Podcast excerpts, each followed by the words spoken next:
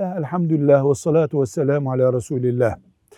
Bir sohbette kardeşimiz dinlemiş ki sahabilerden birinin elinde Kur'an-ı Kerim'de bugün olmayan ayetler varmış.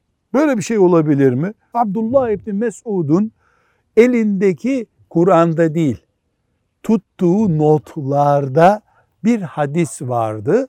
Ashab-ı kiram Kur'an'ı dizerken onu koymadılar oraya. Niye koymadılar? Çünkü Resulullah sallallahu aleyhi ve sellem onu Kur'an olarak onlara öğretmemişti. Dolayısıyla ashab-ı kiramın elinde not defterlerinde vardı da bugün Kur'an'da yok diye bir şey yoktur. Nedir o peki? Ashab-ı kiram notlar tutuyorlardı Efendimiz sallallahu aleyhi ve sellem'den. Tuttukları notlardan bir tanesini de mesela filan surenin kenarına yazmıştı. Dışarıdan bakan sanki o surenin ilavesi gibi gördü onu ama Resulullah sallallahu aleyhi ve sellem'den sonra ashab-ı kiram toplanıp icma ederek bu Allah'ın indirdiği Kur'an'ın ayetindendir dedikleri şeyleri koydular. Onun bunun notlarını koymadılar. Bu sebeple elimizdeki Kur'an yüzde yüz Allah'tan indiği gibidir.